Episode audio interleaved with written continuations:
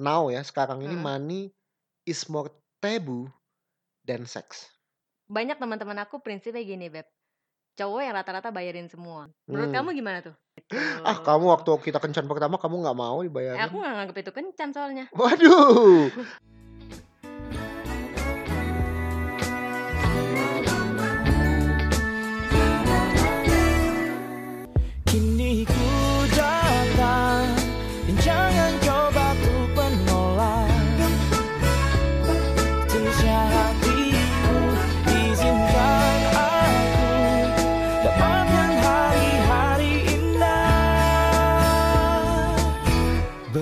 bersamamu.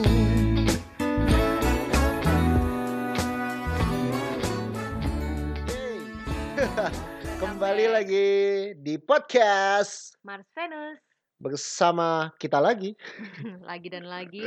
setelah podcast episode lalu. Heeh. Thank you buat yang dengerin banyak banget respon-respon ya Iya. tentang banyak yang kesel sama aku. banyak yang kesel sama kamu juga. Iya. Ada aja kan ya? Ada aja. Kayak ini si Frankie ternyata begini banget sih. Si Taca ternyata begitu banget ya. Hmm, Ya. ya gitulah. Ada aja ya. Jadi anniversary kemarin gimana Beb rasanya? Eh, happy sih. Happy mulu ya aku jawab ya. Iya nih happy mulu. Emang ada momen-momen gak happy sama aku? Ya ada lah pasti, masa nggak ada. Ya anniversary kemarin sih eh, berasanya cepet aja sih, nggak kerasa udah setahun. Hmm. Tapi kalau soal kayaknya happy hura sih enggak sih ya kayaknya dulu kayak malah kemarin dirayakan dengan sangat sederhana ya. Hmm. Makan keluar udah gitu.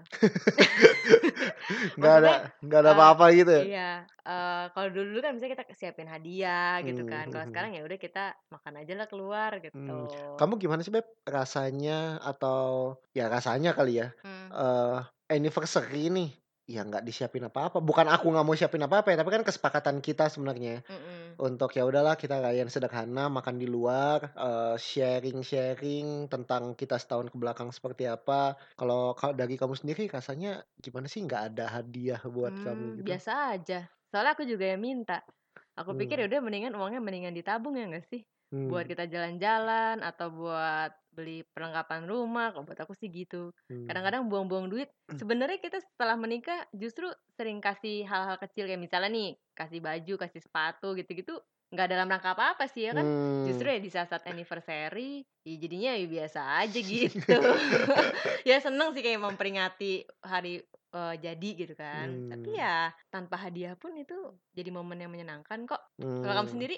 Sama sih Hmm. kalau aku kan memang bukan tipe orang hadiah ya jadi Mm-mm. ada atau nggak ada hadiah sih dikasih buat aku buat aku nggak ada bedanya yang Mm-mm. penting buat aku momen walaupun Iya. kemarin juga kita makan di tempat restoran Jepang ya yang kita searching searching Iya. tapi ternyata ya walaupun restoran yang nggak romantis romantis banget tapi makanannya enak Kita nikmatin momennya ngobrol berdua buat aku itu cukup banget sih Iya, untuk rayain anniversary kita yang eh, sederhana nggak pakai Mm-mm. hadiah nggak pakai candlelight Oh iya. dinner Ya, ya bener. Itu cukup sih. cukup ya Mm-mm. oh I love you Mwah.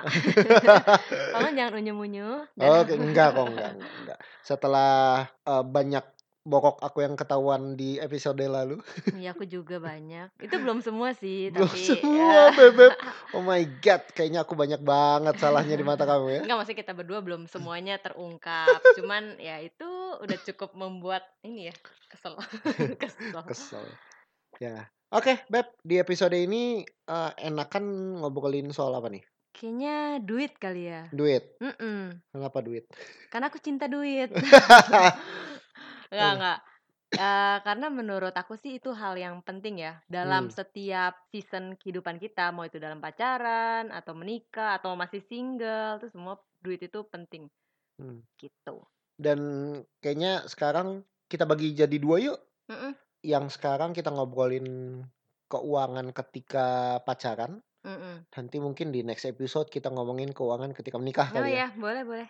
Jadi praktek dari kita seperti apa? Mungkin ini nggak nggak bisa di apa ya? nggak bisa distandarisasi buat semua orang kali ya. Mungkin nggak Mm-mm, mm-mm. mungkin nggak cocok untuk semua orang. Tapi ini mungkin bisa jadi inspirasi, bisa jadi bahan obrolan juga, karena aku pikir apa yang kita lakuin waktu pacaran tentang pengelolaan keuangan cukup menarik sih, yang tidak banyak dilakukan sama banyak orang. Oh, gitu ya. Tapi buat kita itu sangat berfungsi banget, Iya, efektif benar banget ya. benar. Aku sih ngerasa gitu sih. Nanti kita mungkin cerita ya, Ya. kenapa itu berfungsi buat kamu dan kenapa itu berfungsi buat aku. Oke, yes. Gitu. Eh, sebelum Hmm. ini kita mau bahas tentang finansial nih. Hmm.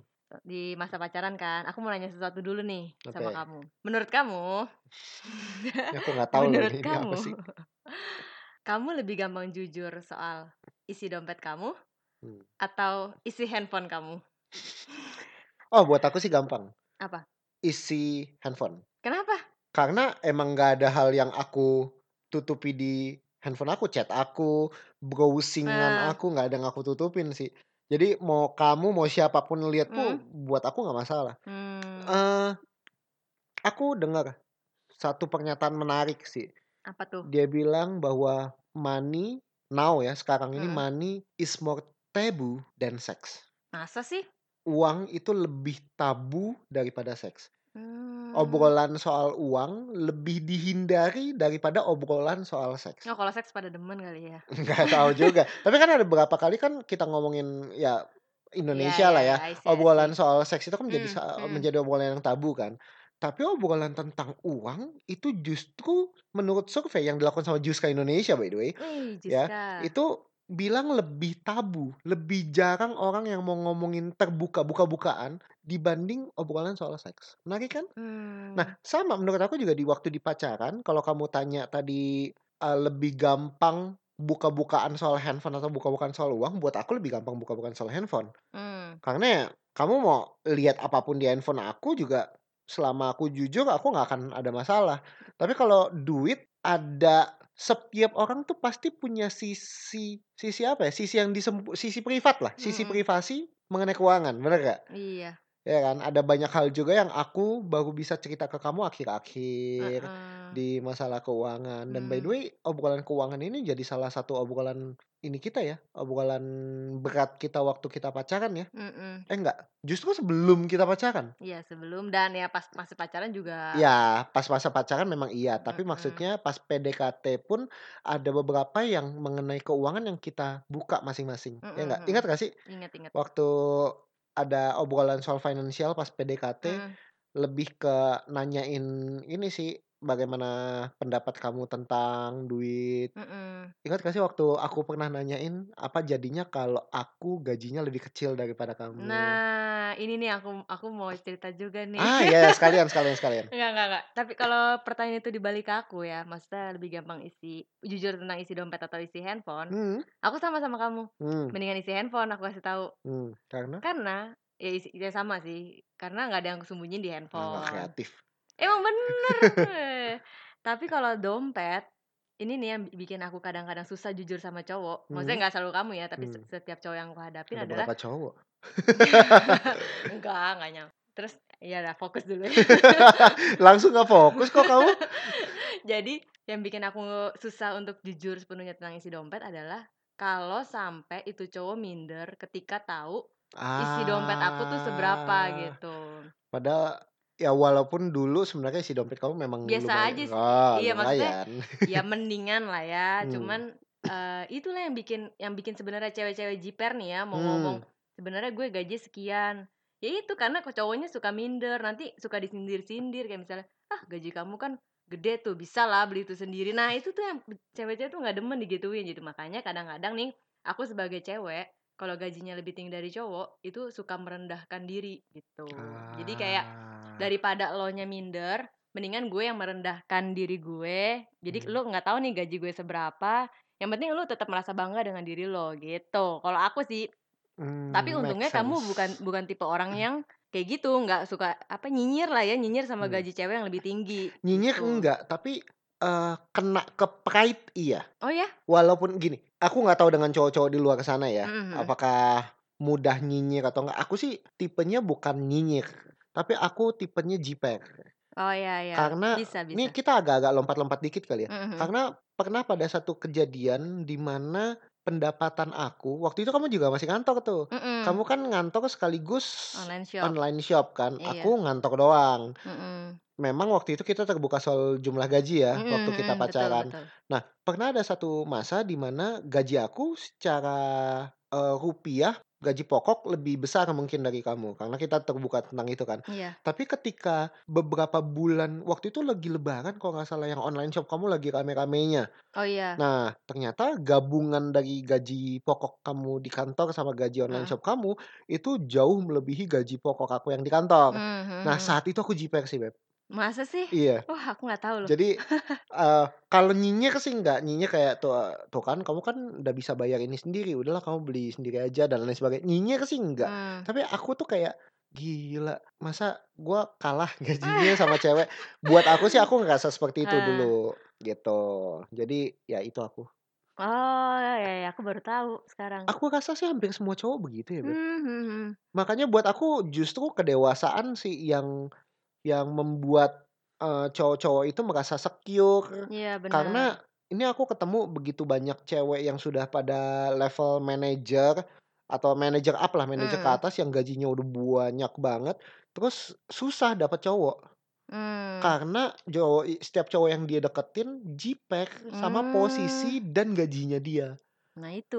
Nah, kalau cowoknya nggak secure, nggak aman sama di dirinya sendiri, dia akan lebih mudah membandingkan, "Gaji gua kan lebih lebih rendah daripada elu, Mhm. ya lu lebih bisa dalam tanda kutip "berkuasalah" terhadap Nah, gua." Padahal cowok kan pengennya mimpin. Nah. Nah, kalau cowoknya nggak secure ya susah. Ya, sebenarnya Mmm. itu sih yang kadang-kadang bikin kita susah jujur soal keuangan ya, karena takut Mmm. pasangan kita bisa terima nggak ya soal kondisi keuangan gue, baik itu keuangannya bagus banget atau jelek Mmm. banget, gitu.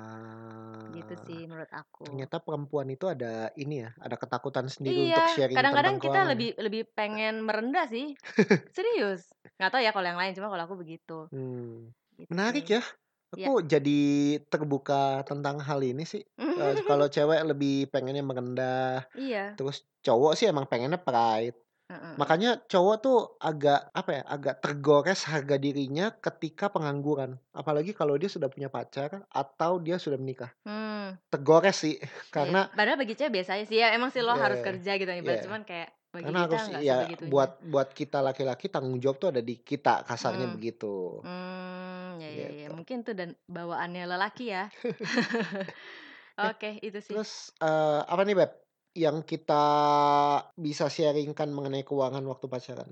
Eh, tadi kayak aku tanya sesuatu kamu apa ya? Apa ya? Kalau oh, ini yang gaji kamu lebih besar daripada aku. Heeh. Terus apa pertanyaan buat dia? Apa ya? Aku juga lupa. Ya udah forget Ya it ya, ya, nanti kalau kalau kita denger denger lagi mungkin keinget kali ya, tapi udah udah telat, nggak mungkin kita Iya stop iya. untuk dengerin itu. So anyway kita move on. Move on ngobrolin soal, eee, waktu pacaran kita keuangannya kayak gimana sih, Beb? Eh, atau sebelum itu deh, kita terbuka tentang apa aja sih mengenai keuangan waktu pacaran? Pertama pastinya soal pendapatan, gaji atau pendapatan sampingan. Yang kedua terbuka soal pengeluaran rutin ya. Mmm. Gitu, terus apalagi ya? Utang.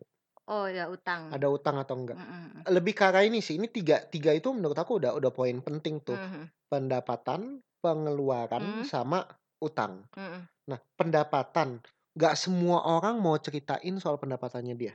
Mhm. Ya, baik itu cewek maupun cowok. Tadi kita udah bahas gitu. Mungkin dari sisi cowok adalah pride, dari sisi cewek adalah takut lebih besar, Mhm, atau ya. juga mungkin karena terlalu kecil juga minder, bisa jadi. Bisa jadi. Mhm. Tapi buat aku sharing tentang berapa banyak yang kamu dapatkan Mhm. setiap bulan ketika pacaran itu penting sih. Kenapa? Karena, eee, ya itu, ketika menikah nih, ini survei ya, survei bilang kebanyakan orang bercerai Mhm. itu memang karena komunikasi. Mmm. Tapi komunikasi tentang apa? Komunikasi tentang uang. Mmm. Jadi, eee, salah satu penyebab terbesar perceraian di dunia ada karena uang. Nah, kalau dari pacaran kita nggak bisa terbuka sekecil buat aku kecil sih, sekecil pendapatan kita berapa, Mhm. Kita gimana caranya kita terbuka terhadap hal-hal yang lebih besar. Mmm, Hal yang betul. lebih besar apa sih? Contoh, aku lagi mau handphone baru atau kalau aku punya hobi khusus yang punya pengeluaran khusus buat itu dan pengeluarannya nggak besar. Misalnya apa ya, eee, action figure. Mmm. Action figure tuh mahal loh, Mhm. gitu. Dan kalau aku nggak bisa terbuka masalah pendapatan aku, nanti kamu akan ada masanya kamu akan lihat action figure aku banyak dan kamu akan nanya, "Ini duit dari mana kamu bisa beli itu?" Mmm, mhm.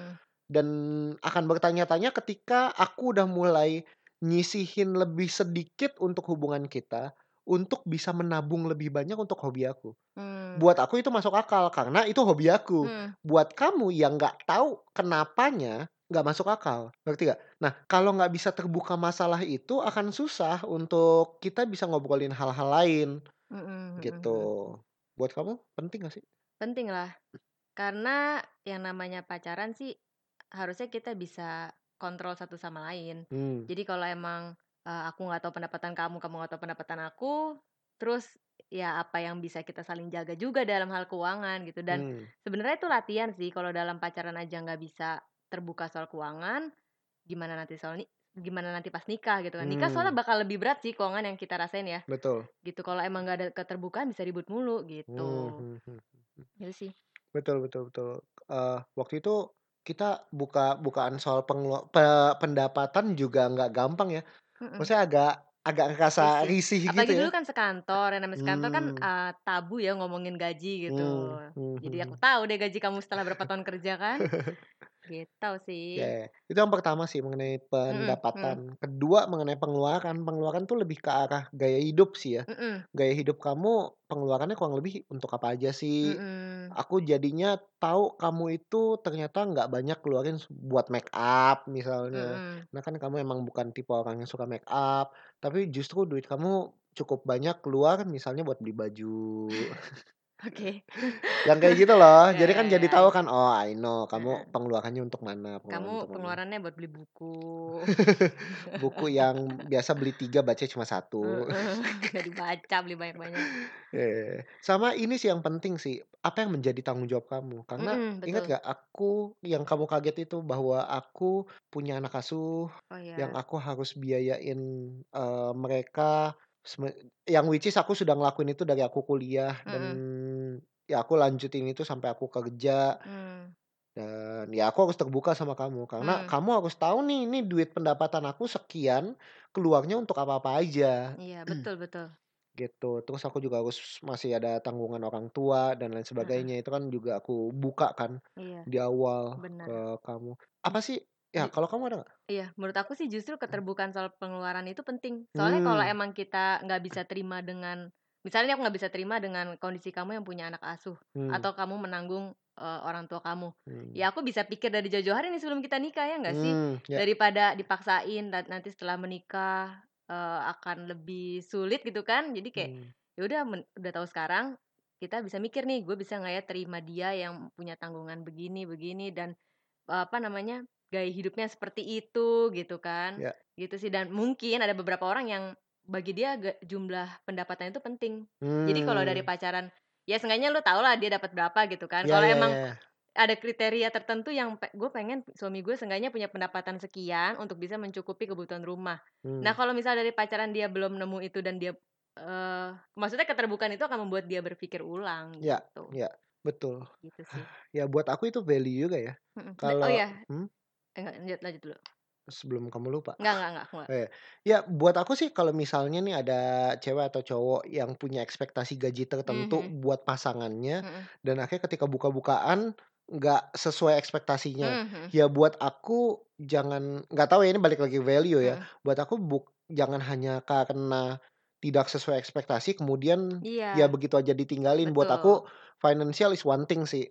Nah Mhm. makanya gini, jangan sampai orang terlalu takut untuk buka-bukaan mengenai pendapatan, Mhm. karena takut ditinggalin gitu. Betul Ya, aduh betul. gaji gue cuma sekian nih, Ya. padahal, eee, jangan-jangan ekspektasi lo lebih tinggi dan lain sebagainya. Justru dukung, Mhm. dukung kayak ya gue pengen nih misalnya nih, gue pengen gaji lo 20.000.000 misalnya.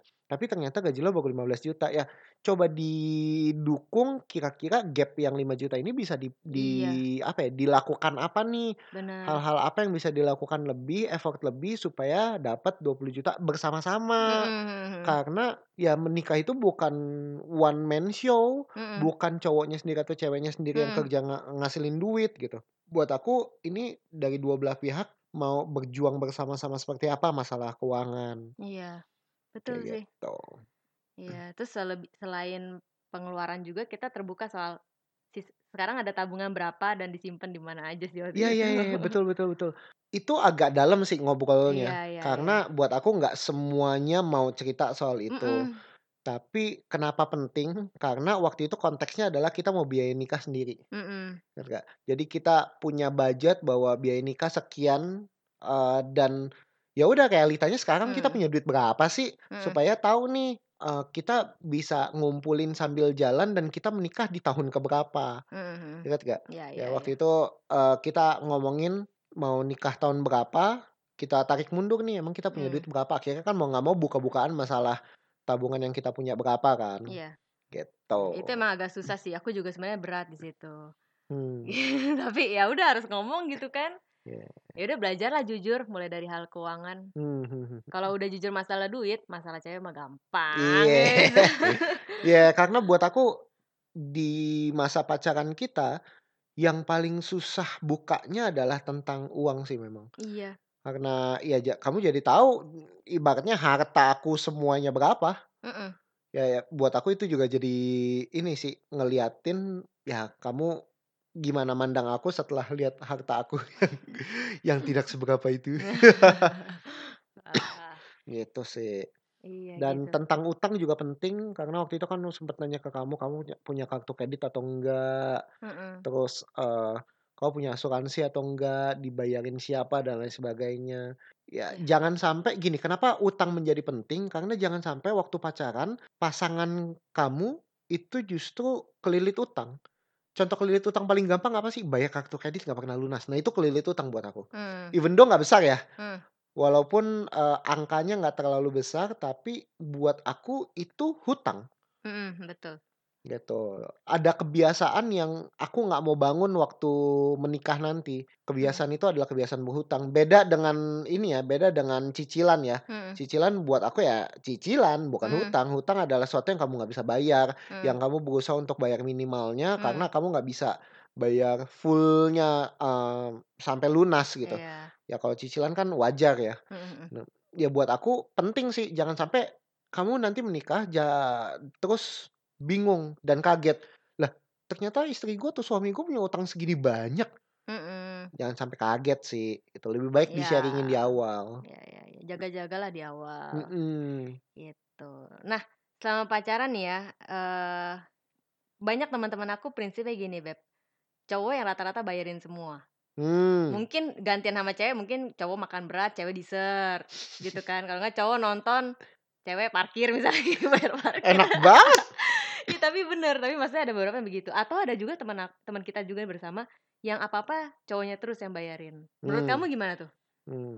Aku justru pengen tanya kamu dari sisi cewek sih. Oh Menurut gitu. kamu sebagai perempuan, seberapa pentingnya sih kalau waktu PDKT dan pacaran dibayarin cowok? Kalau kalau kencan pertama ya dibayarin cowok wajib lah ya. Bukan Wajib? bukan mata duitan, tapi Wow. itu itu ting kesopanan gitu loh. Itu Ya, ya buat aku itu juga lah ya. etika sih, ya. Iya, tapi kalau misal selanjut-selanjutnya bolehlah gantian. Mmm. Sebenarnya aku nggak gitu suka dibayarin kenapa tau nggak? Mmm. Karena aku nggak bisa pilih menu yang aku suka. Iya dong, kalau Mmm. dibayarin ngeliat harga nih, eee, wah dia yang bayarin. Masa dia pesan yang 50, gue pesen yang cepek gitu kan. Mmm. Jadi ya mendingan, kalau aku sih mendingan kita share. Tapi bukan berarti hitung-hitungan, "Oh iya gue pesen yang cepek, lu yang 50 berarti lu bayar 50, gue bayar cepek," ya nggak gitu. Cuman ya nanti kita jelasin lah ya, kita. Ada langsung aja lah ya, mhm. apa? Ya gitu, kita ada konsep dompet bersama, Dompet gitu. bersama, ya. Itu sih dari pandangan aku sebenarnya, aku nggak gitu suka, eee, bergantung sama cowok. Karena jadi kesannya apa-apa nungguin dia, ngandelin dia, terus jadi merasa punya utang, nggak enakan Mmm. gitu kan. Jadi kayak, ya mendingan aku sih lebih suka mandiri sih kalau secara uang. Berarti yang penting, eee, kencan pertama dibayarin lah ya? Ya semoga begitu. Ah, kamu waktu kita kencan pertama kamu nggak mau Eh, dibayarin? aku nggak nganggep itu kencan soalnya. Waduh, agak berat ya. Oke, itu next episode lah ya. Iya, udahlah. Ya, so anyway, apa yang kita lakukan yang uh, mungkin unik Hmm. dan belum tentu banyak orang lakuin juga, mungkin ini bisa jadi inspirasi juga adalah dompet bersama itu ya, Beb. Mm, mm, mm, Aku juga lupa sih ini dapat idenya dari mana, Mm-mm, tapi ini aku yang uh, propose ke kamu ya, Iya. uh, konsep ini dompet bersama. Dompet bersama apa sih? Yaitu Itu adalah dompet milik kita bersama. apaan sih? Jadi sebenarnya gini, setiap bulan kita eh, punya budget berapa untuk kita pacaran, dana Hmm, pacaran gitu. hmm, Kalau dulu kita sama rata, karena gaji kita mungkin pendapatan kita hampir sama rata hmm, gitu kan. hmm, Eh, tapi mungkin bisa disesuaikan dengan masing-masing pendapatan orang hmm, gitu. hmm, hmm. Misalnya nih dulu kita sebut angka aja Ya gimana? udah nggak apa-apa. Dulu tuh kita punya budget budget pacaran satu juta Hmm, per masih bulan, masing-masing gope ya. masing-masing 500 ribu. Jadi setiap kita gajian kita sisihkan 500 ribu ke dalam dompet bersama Hmm, yang kalau misalnya kita lagi pacaran harus pakai duit itu. Maksudnya hmm, jangan lu jangan keluarin duit lagi deh dari dompet lo gitu kan. ya, Dan itu ya sejuta kadang cukup kadang enggak ya. iya, lebih banyak nggak cukupnya ya. Iya gitu. Kadang-kadang Frankie yang suka nombok. Silakan diinterpretasikan ya satu juta sebulan buat pacaran zaman sekarang itu Cukup gede atau nggak? kecil ya. Iya. Jadi itu sesuai dengan uh, value-nya Ya, sesuai masing-masing. gaya hidup, gaya Sesuai gaya, pacaran betul, sesuai masing-masing. gaya Hmm. pacaran. Kalau emang sukanya makan di sekali sekali makan 500 ribu berdua ya nggak bakal cukup lah ya. Mm-mm. Jadi silahkan diatur dengan gaya pacaran masing-masing. Iya Tapi kalau betul. kita kita nggak terlalu gimana-gimana ya. Mm-mm. Tempat makannya seadanya, tempat ngopi seadanya. Jadi buat kita satu juta per bulan itu ya kadang-kadang cukup, kadang-kadang enggak. Heeh. Ya. Tapi apa yang aku suka dari konsep ini adalah mem- membuang ke apa ya? Ke Kagak enakan. ke nggak enakan kita terhadap siapa yang bayarin. Bener. Kadang-kadang kalau nggak ada duit terus diajak Iya. jalan kan jadi nggak enak gitu kalau Yang nggak. penting pokoknya setelah gajian salah satu first cut yang kita lakukan adalah untuk dating ini. Jadi Mm-mm. kita sebutnya ini uang dating ya. Uang dating Uang betul. dating. Jadi pas pacaran semua pakai dompet itu. Dan dompet itu siapa yang pegang? Kalau aku, eh, kalau kita yang paling nggak sering ganti tas. Oh gitu. Iya dong. Karena kalau aku kan waktu itu sering ganti tas. Oh Jadi jangan sampai nggak apa ketinggalan. ketinggalan Oh itu gitu loh. pemikiran kamu. Aku kira karena aku, aku emang itu dompet itu eh, ceritanya aku yang megang. Dan itu aku pikir kamu kasih dompet itu ke aku karena aku jago ngatur duit. Wow, ya kamu juga jago ngatur Tuh, duit. Pelit apa jago ngatur duit nih gitu. Tapi Ya, enggak sih maksudnya eh, aku yang pegang ya karena emang ini aja sih. Ya emang cewek aja pegang duit gitu kan. yeah. Tapi jadi lucu gini setiap kali kita makan ke restoran atau ke mana yang bayarin jadi aku dan orang Terkesannya cewek. iya dan orang-orang ngeliatnya kayaknya nih cewek mulu yang bayarin gitu Iya. padahal itu du- duit kita bersama Iya. juga Buat aku sih. sih bodo amat sih. Iya. Karena the truth kebenarannya adalah ya itu duit kita bersama. Iya. Dan mungkin ini bisa di ini juga ya disesuaikan misalnya ada ada beberapa temen yang gue ceritain soal hal ini dia justru 70-30 misalnya Hmm, 70 betul. cowoknya 30 ceweknya ya terserah sih mau gimana pun bentuknya tapi ada dompet bersama sih Iya. buat aku itu juga meminimalisir ke nggak enakan cowok untuk bilang sama ceweknya kayak gue mulu yang bayar Iya, gue lagi bokeh nih nggak bisa ajak lu jalan. iya jadi buat aku dan dan enaknya gini kalau kita punya satu juta misalnya di dompet bersama kita Hmm. kita itu sangat menjaga supaya nggak lebih dari Mm-mm. satu juta Betul. selama sebulan. Jadi biasa di tanggal-tanggal 20 udah tinggal lihat beberapa ratus ribu sisanya kayak ya udah beb kita ngopi aja satu berdua sedih sih tapi seenggaknya seenggaknya bisa ngobrol lah ngobrol Iya. lebih banyak yang penting kan esensinya kan Hmm, ngobrol ya udahlah kita makan gak usah di tempat yang agak mahal di ini aja di mall mana tempat makan mana yang ada Hmm. diskonannya dan lain Hmm. sebagainya Tapi kalau lagi ngidam banget ya, ya udah kita benar-benar berkorban. Mm-mm, mm-mm. Udahlah kita misalnya kadang-kadang kita suka suntik dana tuh di tengah-tengah. Iya. Misalnya nih tanggal 20-an udah habis. Terus ya udahlah suntik aku 300 kamu 300 suntik Iya, lagi udah iya. 600 gitu. Tapi ya Hmm. kita usahain nggak lebih dari yang apa kita budgetin. Hmm, hmm, hmm, hmm, Karena sebenarnya eh, ngebudgetin uang pacaran itu sebenarnya juga mendisiplinkan kita sih. Ya. Jadi ya bi- harus bisa tahan-tahan apa yang keinginan yang nggak terlalu gimana gitu kan. hmm, hmm, Dan eh, ganti itu ke sesuatu yang lebih berguna hmm. gitu. Dan ini hanya ber, ber apa ya? berlaku untuk dating ya pacaran ya untuk Hmm. nonton makan tidak ter, tidak termasuk di dalamnya adalah hadiah Iyalah dia sendiri. dia sendiri Ya. Jadi itu sih yang kita lakukan ya, Mhm, Beb, ada mhm. dompet bersama dan menurut kita itu sangat membantu. Banget, sampai sekarang pun kita masih punya dompet bersama ya. Setelah menikah pun kita masih pakai dompet bersama. Mhm. Dan lucunya beberapa teman-teman aku yang aku ceritain tentang dompet bersama ini, Beb, mereka sangat terinspirasi sih. Dan akhirnya pacaran mereka tuh pakai dompet bersama dan Mhm. ketika aku tanya, "Gimana, ini nggak ngefek nggak buat lo?" Buat mereka ya justru ini ngefek banget. Mhm. Satu, nggak usah bingung siapa lagi yang bayarin. Mhm. Dua, jadi ter-budget gitu loh. Jadi yang tadi aku bilang tanggal 20 udah seki udah udah tinggal beberapa ratus ribu misalnya di dompet, tahu dia nggak boleh cari yang mahal-mahal. Mhm. Jadi ada budgetnya gitu loh, Beb. Iya, bener, bener sih. Ya senengnya gitu sih. Betul, aku juga begitu. Dan di pacaran kita udah kita berapa tahun ya pakai itu ya? Hampir Dari awal dari kali, awal ya, berarti heeh. 3 tahun kita pakai itu ya. Iya. Dan nggak pernah kosong ya. Maksudnya nggak pernah kosong tuh ya selalu setiap bulan isi gitu. Mhm, mhm. Wow, Gitu sih. menarik ya. Ya, menarik. Iya. Kamu sendiri lihat efeknya gimana, Beb? Eee, efeknya sih ya itu, aku jadi lebih enak pilih makanan. Enggak sih, tapi maksudnya efeknya sih yang lebih bener adalah, eee, pertama bener, aku lebih enakan. Maksudnya Hmm. mau mau nonton yuk, nonton atau ajak apa gitu, enak. Kalau misalnya Hmm. semuanya kamu yang bayarin, aku nggak enak mau ajak nonton atau mau apa kan. Jadi itu sih, terus udah gitu ya enaknya lagi adalah ya aku merasa dipercaya juga sama kamu untuk pegang duit kita bersama, Hmm. gitu. Nah, ini juga bisa jadi, eee, apa ya, hal-hal untuk melihat pasangan kita seperti apa sih. Mhm. Contoh, cowok bilang sama ceweknya, "Eh, kita ada duit pacaran yuk." Eee, "Ya udah 70-30 deh, aku 70, kamu 30. Mmm. Kita maunya berapa?" Misalnya Rp1.000.000, "Ya udah aku 700, setiap bulan kamu kasih 300." Terus cewek kalau ada cewek yang tiba-tiba bilang kayak gini, "Ah, masa sih pacaran aku yang bayarin kamu atau aku keluar duit?" Nah, itu udah mulai bisa kita pilah tuh, oh cewek Mmm. kayak gini masuk ke value gua atau enggak nih Iya. untuk pacaran ke depannya. Mhm. Jadi buat aku sih keuangan itu bisa menggambarkan banyak hal dari kepribadian kamu sih. Kalau misalnya nih, oke dia maulah 70-30, terus duitnya habis, Mmm. mau nggak sama-sama nambahin? Mmm. Atau dia menuntut cowoknya yang harus bayar Mhm. misalnya. Kadang-kadang kalau misalnya lagi kurang dan kita harus suntik dana itu, eee, aku juga pernah sih jujur sama kamu, "Beb, aku udah nggak ada duit." Ya mau nggak Hmm. mau kamu yang nambahin gitu Hmm, kan. walaupun aku juga nggak ada duit. Iya, tapi ya begitu namanya pacaran, butuh duit. Iya, tapi beneran loh, pacaran tuh mahal loh. Betul. Pacaran butuh duit dan ya makanya gini, karena pacaran butuh duit, karena pacaran mahal, jangan sampai kita keluar duit untuk hal yang sia-sia. Mmm. Maksudnya apa sih?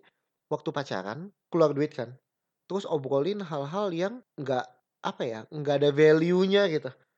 Ngobrolin, eee, hal-hal yang apa ya, kayak gibah gibah, ngomongin Mmm. orang, ya nggak apa-apa sih, tapi maksudnya pakailah dana yang kita keluar untuk, eee, pacaran ngobrol berdua untuk hal-hal yang lebih berguna, Mmm. ngomong hal-hal yang lebih valuable, nggak harus yang berat-berat, tapi seenggaknya untuk mengenal satu sama lain gitu loh. Karena banyak orang yang keluar ini kayak anak-anak alay zaman sekarang gitu loh, Beb. Mmm. Ya keluar duit, eee, pacaran, terus makan es krim misalnya, terus udah cuma buat lihat-lihatan, "Iya kamu lucu ya, gini-gini." Terus habis 30 menit cuma buat itu doang gitu. Kayak aduh. Dilan? Dila Nile ya. Iya, buat aku gini, nggak nggak ada yang salah dengan, eee, chit-chat atau small talks. Tapi buat aku kamu kalau kamu udah keluar duit segitunya untuk pacaran, ya pakailah pacaran itu sebagai, eee, atau atau menjadi satu hal yang bermakna gitu loh. Mmm. Ngobrolin hal-hal yang, eee, buat kita semakin kenal satu sama lain, jangan justru keluar makan, main handphone, lihat Instagram, terus Mmm. gibahin orang seperti netizen 62 pada umumnya. Ya kayak gitu sih Ya aku ya aku, eee, kasih pemikiran aja bahwa ya pacaran mahal. Makanya Ya. jangan jangan jangan ka jangan apa ya, jangan buat sesuatu yang mahal itu ya kita pakai jadi sembarangan, Mhm. gitu. Ya intinya duit pacaran adalah untuk investasi masa depan kita juga lah ya. Betul. Gitu sih. Ya paling itu sih soal uang. Kamu ada yang mau apa nggak sih soal uang pas kita pacaran itu? Ya itu sih, Beb. Kurang Udah. lebih begitu ya? Mhm mhm. Mhm. Nah paling pas ini kali ya persiapan kita nikah, mengenai uang kan akhirnya kita terbuka semuanya kan, Hmm. soal semua Hmm. tabungan-tabungan kita dan kita melakukan sebuah metode lagi yang mungkin ini bisa dipakai juga sama beberapa teman-teman. Ini kita cerita sesuatu yang gagal tapi akhirnya membuat kita, apa ya bilangnya, Ya berhasil menabung lumayan. berhasil menabung Hmm. lumayan. Namanya adalah Lupa, compounding. compounding. Compounding saving. Jadi, eee, ini adalah metode yang aku pelajarin sebenarnya yang aku coba sharing ke kamu ya. Setiap bulan selama 18 bulan, kita tabung 2 kali lipatnya. Mmm. Jadi bulan pertama kita nabung 1.000, ingat gak sih? Mhm. Bulan kedua kita nabung 1.000 2.000. kali 2, 2.000. Bulan ketiga 2.000 kali 2, 4.000. Kecil sih ya. Mmm. Terus, eee, bulan keempat 4.000 kali 2, 8.000. 8.000. Bulan ke berikutnya 8.000 kali 2, 16.000. Bulan berikutnya begitu 32.000. Eh, kita 1.000 atau 10.000 sih? 1.000. 1.000 ya? Mhm, tapi kayaknya 2 tahunan, 2 tahun. Enggak enggak, 18 bulan kok. Oh gitu. 32.000 kali 2, 64.000 kali 2, 180 eh, 128.000 kali 2, 256.000 Oh iya. kali 2, 512.000 kali 2, 1.024.000. Nah, mulai berat, Nah, 1.024.000. iya jadi ini bulan pertama sampai bulan ke-6 biasanya yang paling enteng ya. Mhm. Ya waktu itu kita berhenti di bulan keberapa gitu. Dia lupa angkanya, eee, intinya kalau teman-teman mau coba, ini adalah compounding saving yang kita lakukan selama 18 bulan. Kita komit setiap bulan kita sisihin sesuai angka yang ada di tabel. Jadi coba teman-teman buat tabel, eee, isinya 18 angka, 1 sampai 18, di samping angka 1 mulai dengan angka 1.000. Sisanya semakin ke 18 kamu kali 2. 1.000 kali 2 kan hasil 2.000, 2.000 kali 2, 4.000, 4.000 kali 2 sampai ke 18. Itu kita kalau nggak salah di bulan ke-18 itu harus nabung 512 juta. Lupa aku juga. Aku Tapi juga lupa sih, sih, tapi gede banget. Nah, Nggak sanggup. nggak sanggup. Kita akhirnya eee, sanggup sampai bulan ke-13 atau 14 gitu ya. Lupa deh aku juga. Yang Pokoknya 16 apa 32 gitu. Iya, yang kita harus nabung sebulan 32 juta. Mhm. Nggak masuk akal sih ya, tapi ya kita bisa waktu nabung 16 juta per bulan. Padahal gaji kita jauh banget di bawah itu kan. Mhm. Eee, ya nggak tahu dari mana tiba-tiba bisa ke apa ya, bisa kekumpul aja gitu loh. Mmm, sebenarnya, eee, prinsip tabungan itu sih seben eee, bukan kayak tiba-tiba ada sih. Ya. Tapi kayak misalnya dari 1.000 nih, aku tuh udah mikir waktu pertama bulan pertama masih kasih 1.000, aku mikir di bulan ke-10 misalnya nih, aku harus Hmm. kasih 32 juta. Gimana uang sisa gue yang sekarang ini, gue kelola supaya nanti bisa dapet 32 juta. Ya Ya. misalnya aku dengan online shop, kayak gitu. Ya, itu strategi masing-masing sih. Mhm. Tapi itu yang kita lakukan ya. Walaupun nggak berhasil sampai bulan ke-18, sampai ke bulan tertentu yang kita stuck di situ dan akhirnya nggak bisa lanjut lagi, kekumpulnya lumayan banget sih. Mhm. Yang membuat kita kepikiran kayak, "Gila, untung kita coba metode ini." Mmm. Jadi kekumpul buat dana meritnya itu Mmm. ini banget, eee, lumayan banget. Mmm. Walaupun ending-ending-nya juga banyak yang harus kita Mmm. struggle, tapi ya lumayan kekumpulnya ya. Ya, intinya sih dari menabung itu apa pun Hmm. apa pun strateginya, prinsipnya adalah disiplin, Hmm. gitu. Disiplin soal keuangan, itu penting sih. Mhm. Gitu. Ya itu Beb, Oke. tentang pacaran Ya mungkin nanti soal menikah nih akan lebih panjang lagi dan dan lebih kita complicated sih. bener, ini ba banyak penyesuaian lagi dalam pernikahan. Mhm Jadi mhm. untuk keuangan di pernikahan akan kita bahas di podcast selanjutnya. Itu aja. Ya, kamu ada pesan-pesan terakhir soal keuangan? Eee, berani terbuka. Karena kalau kita berani terbuka mengenai keuangan, apa pun itu mengenai Mhm. keuangan kepada pasangan, itu adalah langkah awal di mana kita mau memberikan diri kita kepada pasangan kita, untuk pasangan kita mau jaga kita. Dan Hmm, kita betul. juga mau jaga diri kita sendiri, eee, untuk masa depan kita berdua. Buat Hmm. aku dimulai dari keterbukaan mengenai keuangan. Betul. Buat kamu? Kalau buat aku, eee, penting buat kita menerima diri kita dan menerima pasangan kita. Percuma terbuka kalau salah satu pihak akan mengintimidasi pihak yang lainnya, gitu. Mmm. Jadi, ya kedewasaan itu penting. Kalau emang kamu mau dia terbuka, ya mulailah dari siap nggak nih menerima keterbukaan dia, dan kamu pun Mmm. juga harus terbuka, gitu. Ya. Karena bener-bener deh nggak ada nggak ada ruginya untuk terbuka soal keuangan. Buat apa ditutup-tutupin, karena ya pasangan kamu ini kan juga akan menemani kamu seumur hidup. Masa kamu mau menutupi sesuatu dari seseorang yang akan bersama kamu seumur hidup kamu gitu. Wow. Capek kan berbohong seumur hidup, Ya. mendingan jujur dari sekarang. Ya. Dan selesaikan bareng-bareng ya, sebelum menikah selesaikan apa yang harus diselesaikan. Kayak Mhm. utang, Mhm mhm. eee, gaya hidup yang nggak benar, Mmm. keuang eee, misalnya keluar duit untuk satu hal itu, terus padahal itu nggak nggak guna-guna banget misalnya. Mhm. Ya selesaikan itu justru ketika pacaran. Mhm, betul. Jadilah orang yang rendah hati untuk dikasih tahu juga. Ya. Thank you Gitu, sayang untuk thank you. sharing-nya. Nanti Kita ngobrol lebih banyak lagi mengenai keuangan waktu menikah ya. Iya. Complicated ya, Mhm. banget. Ini ini sederhana, pacaran sederhana sih. Sederhana banget sih waktu menikah, aduh aku aja pusing tiap bulan. Apalagi pendapatan fluktuatif ya. Iya. Oke, itu aja. Ya, Thank you, thank eee, you. dan see you on the next Dan podcast. kalau kita sangat senang sekali kalau ada yang, eee, kasih kita feedback. Iya, apa pun itu ya, mau waktu itu ada feedback ngomong soal suaranya kurang bagus dan lain sebagainya. Kita happy sih, jadi kita bisa improve. Mhm, betul. Ya, terus ada juga, feedback-feedback positif lewat, eee, Mmm. Instagram story atau WA, DM, ya segala dan macam ya. itu kita sangat senang. Please do, dan please share kalau teman-teman merasa ini berguna dan bisa membantu pasangan-pasangan lain atau calon yang mau dijadikan pasangan ya. Kalau merasa berguna please share karena itu akan ngebantu kami juga untuk bisa spread the message lebih luas lagi. Betul. Thank you dan see you. See you, bye-bye. Bye.